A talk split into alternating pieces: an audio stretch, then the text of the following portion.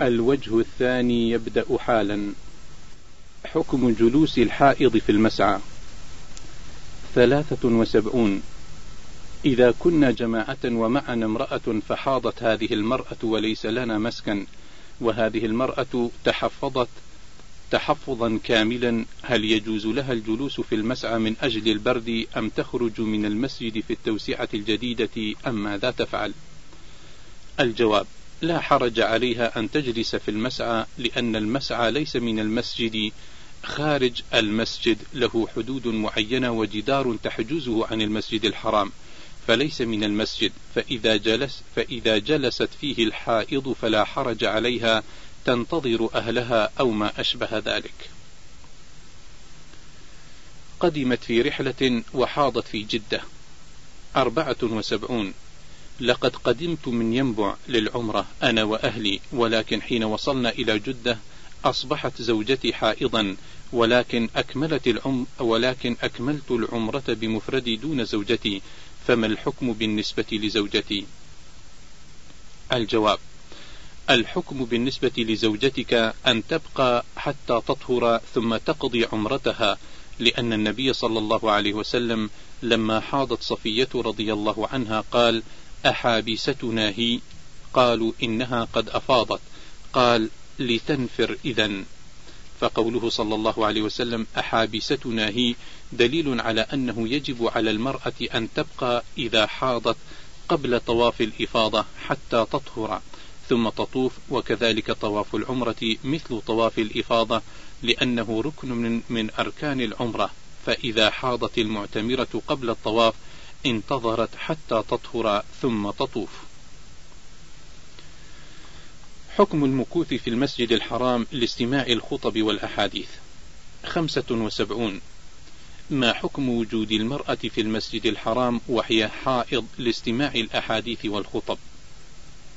الجواب. لا يجوز للمرأة الحائض أن تمكث في المسجد الحرام ولا غيره من المساجد ولكن يجوز لها أن تمر بالمسجد وتأخذ الحاجة منه.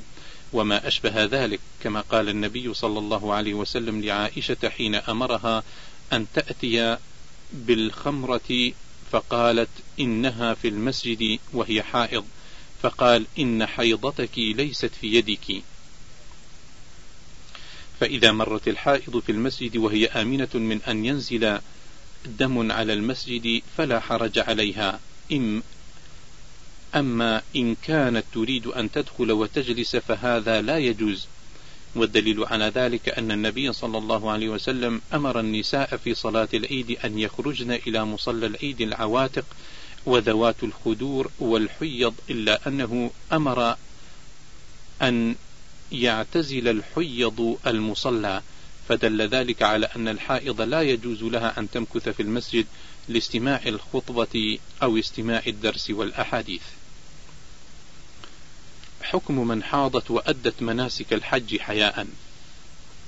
ستة وسبعون قد حججت وجاءتني الدورة الشهرية فاستحييت أن أخبر أحدا ودخلت الحرم فصليت وطفت وسعيت فماذا علي علما بأنها جاءت بعد النفاس الجواب لا يحل للمرأة إذا كانت حائضا أو نفساء أن تصلي سواء في مكة أو في بلدها أو في أي مكان.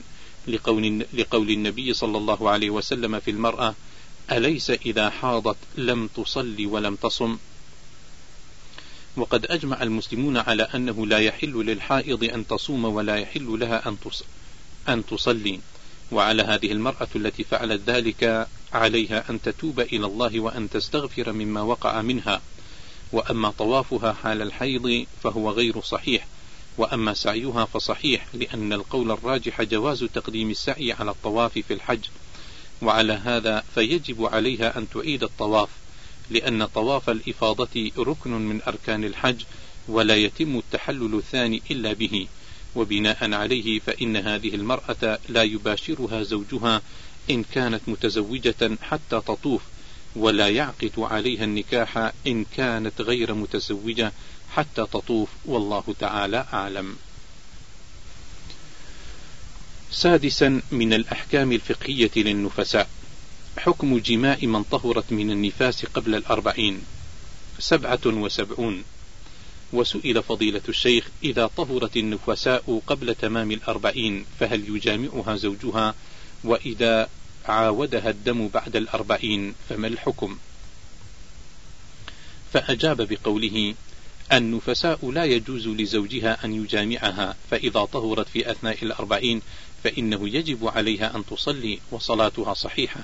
ويجوز لزوجها أن يجامعها في هذه الحال لأن الله تعالى يقول في المحيض ويسألونك عن المحيض قل هو أذى فاعتزلوا النساء في المحيض ولا تقربوهن حتى يطهرن. فإذا تطهرن فأتوهن من حيث أمركم الله. فما دام الأذى موجودا وهو الدم فإنه لا يجوز الجماع فإذا طهرت منه جاز الجماع. وكما أنه يجب عليها أن تصلي ولها أن تفعل كل ما يمتنع عليها في النفاس إذا طهرت في أثناء الأربعين فكذلك الجماع يجوز لزوجها إلا, أن إلا أنه ينبغي أن يصبر لئلا يعود عليها الدم بسبب الجماع. حتى تتم الأربعين ولكن لو جامعها قبل ذلك فلا حرج عليه.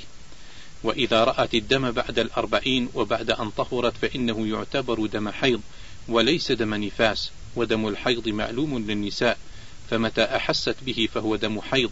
فإن استمر معها وصار لا ينقطع عنها إلا يسيرا من الدهر فإنها تكون مستحاضة.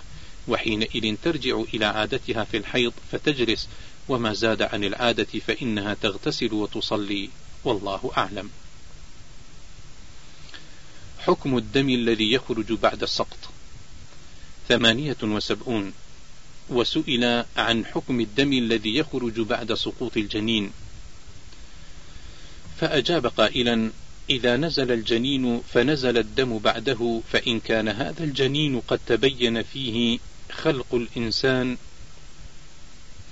فتبي فتبين يداه ورجلاه وبقية أعضائه فالدم دم نفاس لا تصلي المرأة ولا تصوم حتى تطهر منه وإن لم يتبين فيه خلق إنسان فليس الدم دم نفاس فتصلي وتصوم إلا في الأيام التي توافق عادتها الشهرية فإنها تجلس لا تصلي ولا تصوم حتى تنتهي أيام العادة. حكم اتصال الدم مع المرأة بعد الأربعين. تسعة وسبعون. وسئل فضيلة الشيخ عن النفساء إذا اتصل الدم معها بعد الأربعين فهل تصلي وتصوم؟ فأجاب المرأة النفساء إذا بقي الدم معها فوق الأربعين وهو لم يتغير فإن صادف ما زاد على الأربعين عادة حيضها السابقة جلسته. وإن لم يصادف عادة حيضها السابقة فقد اختلف العلماء في ذلك. فمنهم من قال تغتسل وتصلي وتصوم ولو كان الدم يجري عليها لأنها تكون حينئذ كالمستحاضة. ومنهم من قال إنها تبقى حتى تتم ستين يوما لأنه وجد من النساء من تبقى في النفاس ستين يوما. وهذا أمر واقع فإن بعض النساء كانت عادتها في النفاس ستين يوما وبناء على ذلك فإنها تنتظر حتى تتم ستين يوما ثم بعد ذلك ترجع إلى الحيض المعتاد فتجلس وقت عادتها ثم تغتسل وتصلي لأنها حينئذ مستحاضة. حكم الدم المتقطع ثمانون وسئل فضيلة الشيخ عن امرأة انقطع عنها دم النفاس قبل تمام الأربعين بخمسة أيام فصلت وصامت ثم بعد الأربعين عاد الدم فما الحكم؟ فأجاب قائلا إذا طهرت النفساء قبل تمام الأربعين فإنه يجب عليها أن تصلي ويجب عليها أن تصوم إذا كان ذلك في رمضان ويجوز لزوجها أن يجامعها وإن لم تتم الأربعين. وهذه المرأة التي طهرت لخمسة وثلاثين يوما يجب عليها أن تصوم وأن تصلي. وما صامته أو صلته فإنه واقع موقعه. فإذا عاد عليها الدم بعد الأربعين فهو حيض إلا أن يستمر عليها أكثر الوقت فإنها تجلس عادتها فقط ثم تغتسل وتصلي. حكم الدم الذي يخرج من الحامل. واحد وثمانون. وسئل الشيخ عن الدم الذي يخرج من الحامل فأجاب فضيلته بقوله الحامل لا تحيض كما قال الإمام أحمد رحمه الله إنما تعرف النساء الحمل بانقطاع الحيض والحيض كما قال أهل العلم خلقه الله تبارك وتعالى لحكمة غذاء الجنين في بطن أمه فإذا نشأ الحمل انقطع الحيض لكن بعض النساء قد يستمر بها الحيض على عادته كما كان قبل الحمل فهذه يحكم بأن حيضها حيض صحيح لأنه, لأنه استمر بها الحيض ولم يتأثر بالحمل فيكون هذا الحيض مانعا لكل ما يمنعه حيض حيض غير الحامل وموجبا لما يوجبه ومسقطا لما يسقطه والحاصل أن الدم الذي يخرج من الحامل على نوعين. النوع الأول نوع يحكم بأنه حيض وهو الذي استمر بها كما كان قبل الحمل. لأن ذلك دليل على أن الحمل لم يؤثر عليه فيكون حيضا. والنوع الثاني دم طرأ على الحامل طروءا إما بسبب حادث أو حمل شيء أو سقوط من شيء ونحوه. فهذا ليس بحيض وإنما هو دم عرق. وعلى هذا فلا يمنعها من الصلاة ولا من الصيام فهي في حكم الطاهرات. حكم تركيب اللولب للنساء. اثنان وثمانون. سائلة تقول بعد إنجابي بثلاثة أشهر ونصف قمت بتركيب لولب وذلك حتى يتسنى لي إرضاع طفلي. فهل تركيب اللولب حرام؟ ثم إنني منذ قمت بتركيبه حدث لي نزيف ثم قل وأصبح نقطا ومنذ ذلك الوقت لم أصلي. فهل عدم صلاتي حرام؟ وما الحل في هذا؟ الجواب. قبل الجواب عن هذا السؤال نود أن نذكر النساء أنه لا ينبغي للمرأة أن تفعل ما يمنع الحمل لأن هذا خلاف المقصود الشرعي بل الأولى لها أن تبقى على ما خلقها الله عليه من كثرة النسل فإن في كثرة النسل مصالح عظيمة ولا يضير الإنسان شيئا في الرزق ولا في التربية ولا في الصحة. أما لو أنها امرأة ضعيفة الجسم كثيرة الأمراض يضرها أن تحمل كل سنة. ففي هذه الحال تكون معذورة إذا تناولت ما يمنع الحمل ولا بد من إذن الزوج في استعمال ما يمنعه وأن لا يكون في تناوله ضرر.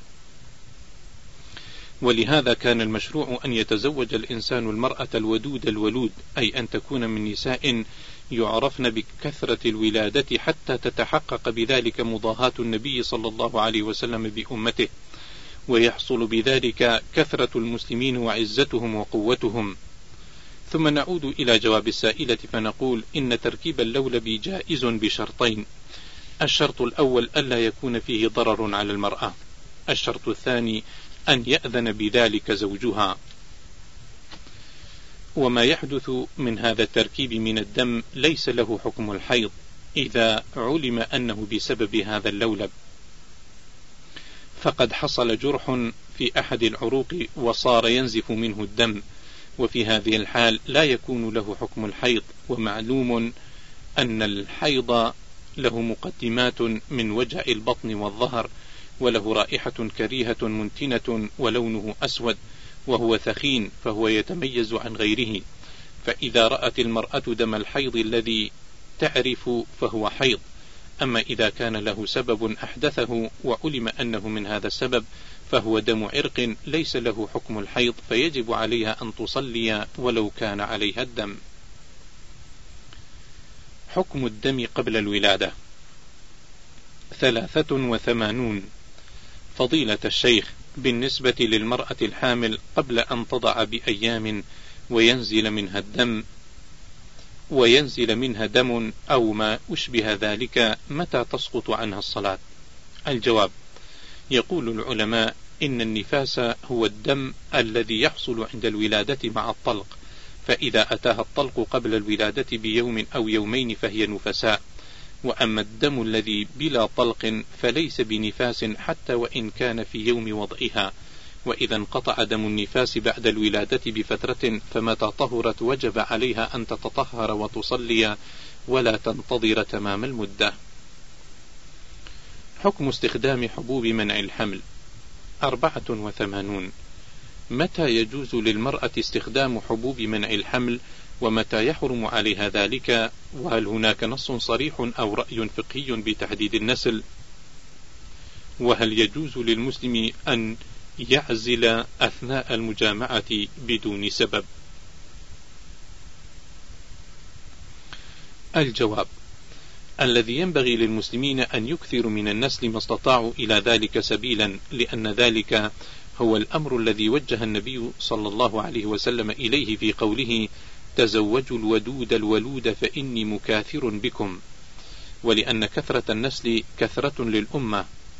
وكثرة الأمة من عزتها كما قال تعالى ممتنا على بني إسرائيل بذلك وجعلناكم أكثر نفيرا وقال شعيب لقومه واذكروا إذ كنتم قليلا فكثركم ولا أحد ينكر أن كثرة الأمة سبب لعزتها وقوتها على عكس ما يتصوره أصحاب ظن السوء الذين يظنون أن كثرة الأمة سبب لفقرها وجوعها. إن الأمة إذا كثرت واعتمدت على الله عز وجل وآمنت بوعده في قوله وما من دابة في الأرض إلا على الله رزقها فإن الله يسر لها أمرها ويغنيها من فضله. بناء على ذلك تتبين إجابة السؤال فلا ينبغي للمرأة أن تستخدم حبوب منع الحمل إلا بشرطين. الشرط الأول أن تكون في حاجة لذلك مثل أن تكون مريضة. ولا تتحمل الحمل كل سنة أو نحيفة الجسم أو بها موانع أخرى تضرها أن تحمل كل سنة. والشرط الثاني أن يأذن لها الزوج لأن للزوج حقا في الأولاد والإنجاب ولا بد كذلك من مشاورة الطبيب في هذه الحبوب هل أخذها ضار أو ليس بضار؟ فإذا تم الشرطان السابقان فلا بأس باستخدام هذه الحبوب لكن على ألا يكون ذلك على سبيل التأييد أي أنها لا تستعمل حبوبا تمنع الحمل منعا دائما لأن في ذلك قطعا للنسل. وأما الفقرة الثانية من السؤال فالجواب عليه أن تحديد النسل أمر لا يمكن في الواقع ذلك أن الحمل وعدم الحمل كله بيد الله عز وجل ثم إن الإنسان إذا حدد عددا معينا فإن هذا العدد قد يصاب بآفة تهلكه في سنة واحدة ويبقى حينئذ لا أولاد له ولا نسل له. والتحديد أمر غير وارد بالنسبة للشريعة الإسلامية ولكن منع الحمل يتحدد بالضرورة على ما سبق في جواب الفقرة الأولى. وأما الفقرة الثالثة والخاصة بالعزل أثناء الجماع بدون سبب فالصحيح من أقوال أهل العلم أنه لا بأس به. لحديث جابر رضي الله عنه كنا نعزل والقرآن ينزل يعني في عهد النبي صلى الله عليه وسلم. ولو كان هذا الفعل حراما لنهى الله عنه ولكن أهل العلم يقولون إنه لا يعزل عن الحرة إلا بإذنها أي لا يعزل عن زوجته الحرة إلا بإذنها لأن لها حقا في الأولاد ثم إن في عزله بدون إذنها نقصا في استمتاعها فاستمتاع المرأة لا يتم إلا بعد الإنزال. وعلى هذا ففي عدم استئذانها تفويت لكمال استمتاعها وتفويت لما يكون من الأولاد ولهذا اشترطنا أن يكون بإذنها. حكم من انتهت مدة النفاس والدم مستمر. خمسة وثمانون. أنا فتاة متزوجة.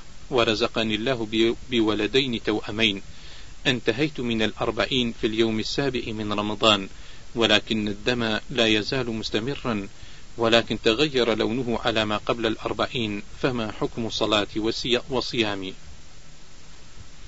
الجواب المرأة النفساء إذا بقي الدم معها فوق الأربعين وهو لم يتغير فإن صادف ما زاد عن الأربعين عادة حيضتها السابقة جلست. وإن لم يصادف عادة حيضتها السابقة فقد اختلف العلماء في ذلك. فمنهم من قال تغتسل وتصلي وتصوم ولو كان الدم يجري عليها لأنها تكون حينئذ كالمستحاضة. ومنهم من قال إنها تبقى حتى تتم ستين يوما لأنه وجد من النساء من يبقى في النفاس ستين يوما. ويقال إن بعض النساء كانت عادتها في النفاس ستين يوما.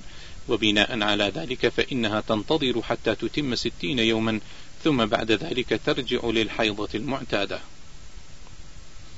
متى تطهر النساء؟ ستة وثمانون. المرأة النفساء هل تجلس أربعين يوما لا تصلي ولا تصوم؟ أم أن العبرة بانقطاع الدم عنها؟ فمتى انقطع تطهرت وصلت؟ وما هي أقل مدة للطهر؟ الجواب النفساء ليس لها وقت محدد بل متى كان الدم موجودا جلست لم تصلي ولم تصم ولم يجامعها زوجها. وإذا رأت الطهر ولو قبل الأربعين ولو لم تجلس إلا عشرة أيام أو خمسة أيام فإنها تصلي وتصوم ويجامعها زوجها ولا حرج في ذلك. والمهم أن النفاس أمر محسوس تتعلق الأحكام بوجوده أو عدمه فمتى كان موجودا ثبتت أحكامه ومتى تطهرت منه تخلت من أحكامه. لكن لو زاد على الستين يوما فإنها تكون مستحاضة تجلس ما وافق عادة فقط ثم تغتسل وتصلي. حكم صيام من سقط حملها. سبعة وثمانين. امرأة أصيبت في حادثة وكانت في بداية الحمل فأسقطت الجنين إثر نزيف حاد فهل لها أن تفطر أم تواصل الصيام؟ وإذا أفطرت فهل عليها إثم؟ الجواب نقول إن الحامل لا تحيض كما قال الإمام أحمد إنما تعرف النساء الحمل بانقطاع الحيض والحيض كما قال أهل العلم خلقه الله تبارك وتعالى لحكمة غذاء الجنين في بطن أمه فإذا نشأ الحمل انقطع الحيض. لكن بعض النساء قد يستمر بها الحيض على عادته كما كان من قبل الحمل فهذه يحكم بأن بأن حيضها حيض صحيح لأنه استمر بها الحيض ولم يتأثر بالحمل. فيكون هذا الحيض مانعا لكل ما يمنعه حيض غير الحامل وموجبا لما يوجبه ومسقط ومسقطا لما يسقطه. والحاصل أن الدم الذي يخرج من الحامل على نوعين. نوع يحكم بأنه حيض وهو الذي استمر بها كما كان قبل الحمل فمعنى ذلك أن الحمل لم يؤثر عليه فيكون حيضا. والنوع الثاني دم طرأ على الحامل طروءا إما بسبب حادث أو حمل شيء أو سقوط من شيء ونحوه فهذه دمها ليس بحيض وإنما هو دم عرق وعلى هذا فلا يمنعها من الصلاة ولا من الصيام بل هي في حكم الطاهرات. ولكن إذا لزم من الحادث أن ينزل الولد أو الحمل الذي في بطنها فإنه على ما قال أهل العلم إن خرج وقد تبين فيه خلق إنسان فإن دمها بعد خروجه يعد نفاسا تترك فيه الصلاة والصوم ويتجنبها زوجها حتى تطهر. وإن خرج الجنين وهو غير مخلق وهو غير مخلق فإنه لا يعتبر دم نفاس بل هو دم فاسد لا يمنعها من الصلاة ولا من الصيام ولا من غيرهما. قال أهل العلم وأقل زمن يتبين فيه التخليق واحد وثمانون يوما لأن الجنين في بطن أمه كما قال عبد الله بن مسعود رضي الله عنه حدثنا رسول الله صلى الله عليه وسلم وهو الصادق المصدوق فقال إن أحدكم يجمع في بطن أمه أربعين يوما نطفة ثم يكون علقة مثل ذلك ثم يكون مضاة مثل ذلك ثم يبعث ثم يبعث إليه الملك فينفخ فينفخ فيه الروح ويؤمر بأربع كلمات فيكتب رزقه وأجله وعمله وشقي أم سعيد. ولا يمكن أن يخلق قبل ذلك والغالب أن التخليق لا يتبين قبل تسعين يوما كما قاله بعض أهل العلم. حكم السقط بعد ستة أشهر ثمانية وثمانون. لدي امرأة وقد أسقطت في حملها وكان عمر هذا السقط ستة أشهر. ستة أشهر وكانت امرأتي تقوم بأعمال شاقة ومتعبة ومع ذلك كانت تصوم شهر رمضان وهي تخشى أن يكون موت هذا السقط في بطنها قبل وضعه سببه تلك الأعمال ومع ذلك دفن ولم يصل عليه فما حكم ترك الصلاة عليه؟ وماذا على المرأة أن تفعل لكي تدفع هذه الشكوك التي تساورها من, موق من موت السقط؟ أفيدونا أفادكم الله. الجواب السقط إذا بلغ أربعة أشهر فإنه يجب أن يغسل ويكفن ويصلى عليه. لأنه إذا بلغ الأربعة نفخت فيه الروح كما يدل على ذلك حديث عبد الله بن مسعود رضي الله عنه قال حدثنا رسول الله صلى الله عليه وسلم وهو الصادق المصدوق إن أحدكم يجمع خلقه في بطن أمه أربعين يوما نطفة ثم يكون علقة مثل ذلك ثم يكون مضغة مثل ذلك ثم يبعث إليه الملك فينفخ فيه الروح. إلى آخر الحديث. فهذه مئة وعشرون يوما أي أربعة أشهر فإذا سقط فإنه يغسل ويكفن ويصلى عليه وسوف يحشر يوم القيامة مع الناس. أما إذا كان دون الأربعة أشهر فإنه لا يغسل ولا يكفن ولا يصلى عليه ويدفن في أي مكان لأنه قطعة من لحم وليس بإنسان. وهذا السقط المذكور في السؤال قد بلغ ستة أشهر فالواجب أنه يغسل ويكفن ويصلى عليه وبناء على ما ذكر في السؤال من أنهم لم يصلوا عليه فإن عليهم أن يصلوا الآن على قبره إن كانوا يعرفونه وإلا صلوا عليه صلاة الغائب وتكفي صلاة واحد فقط عليه. وأما بالنسبة لشكوك أمه وأنه سقط وأنه سقط بسببها فإن هذه الشكوك لا أثر لها ولا ينبغي أن تطرأ لها على بال. وكثيرا ما تموت الأجنة في بطون أمهاتهم وليس عليها في ذلك شيء. فلتنتهي عن هذه الشكوك والوساوس التي تكدر عليها حياتها والله أعلم. حكم من سقط جنينها في الشهر الثالث تسعة وثمانون. وسئل عن المرأة إذا أسقطت في الشهر الثالث فهل تصلي أو تترك الصلاة؟ فأجاب المعروف عند أهل العلم أن المرأة إذا أسقطت لثلاثة أشهر فإنها لا تصلي. لأن المرأة إذا أسقطت جنينا قد تبين فيه خلق إنسان فإن الدم الذي يخرج منها يكون دم نفاس لا تصلي فيه. قال العلماء ويمكن أن يتبين خلق الجنين إذا تم له واحد وثمانون يوما وهذه أقل من ثلاثة أشهر. فإذا تيقنت أنه سقط الجنين لثلاثة أشهر فإن الذي أصابها يكون دم حيض. أما إذا كان قبل ثمانين يوما فإن هذا الدم الذي أصابها يكون دما فاسدا لا تترك الصلاة من أجله وهذه السائلة عليها أن تتذكر في نفسها فإذا كان الجنين سقط قبل الثمانين يوما فإنها تقضي الصلاة وإذا كانت لا تدري كم تركت فإنها تقدر وتتحرى وتقضي على ما يغلب علي عليه ظنها أنها لم تصليه. حكم صلاة وصيام من أصابها النزيف. تسعون. وسئل الشيخ عمن أصابها نزيف دم كيف تصلي ومتى تصوم؟ فأجاب مثل هذه المرأة التي أصابها نزيف دم حكمها أن تجلس عن الصلاة والصوم مدة, عادتها السابقة قبل الحدث الذي أصابها. فإذا كان من عادتها أن الحيض يأتيها من أول كل شهر لمدة ستة أيام مثلا فإنها تجلس من أول كل شهر مدة ستة أيام لا تصلي ولا تصوم فإذا انقضت اغتسلت وصلت وصامت.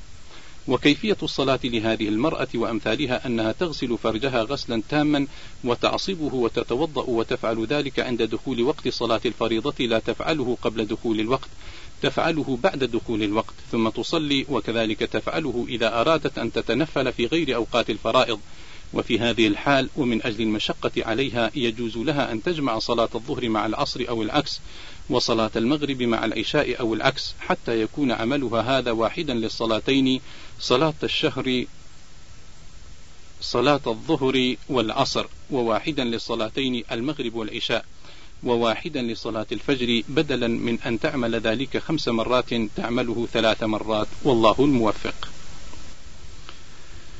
حكم الدم المائل للصفرة واحد وتسعون وسئل عن المرأة ترى دم النفاس لمدة أسبوعين ثم يتحول تدريجيا إلى مادة مخاطية مائلة إلى الصفرة ويستمر كذلك حتى نهاية الأربعين فهل ينطبق على هذه المادة التي تلت الدم حكم النفاس أم لا؟ فأجاب بقوله هذه الصفرة أو السائل المخاطي ما دام لم تظهر فيه الطهارة الواضحة البينة فإنه تابع لحكم الدم فلا تكون طاهرا حتى تتخلص من هذه من هذا وإذا طهرت ورأت النقاء البين وجب عليها أن تغتسل وتصلي حتى ولو كان ذلك قبل الأربعين.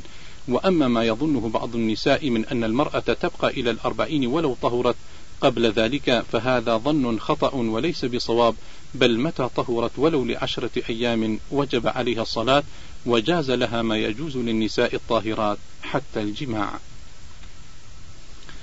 انتهى الشريط الثاني وبانتهائه ينتهي كتاب تسعون فتوى في أحكام الحيض والنفاس للشيخ محمد بن صالح العثيمين.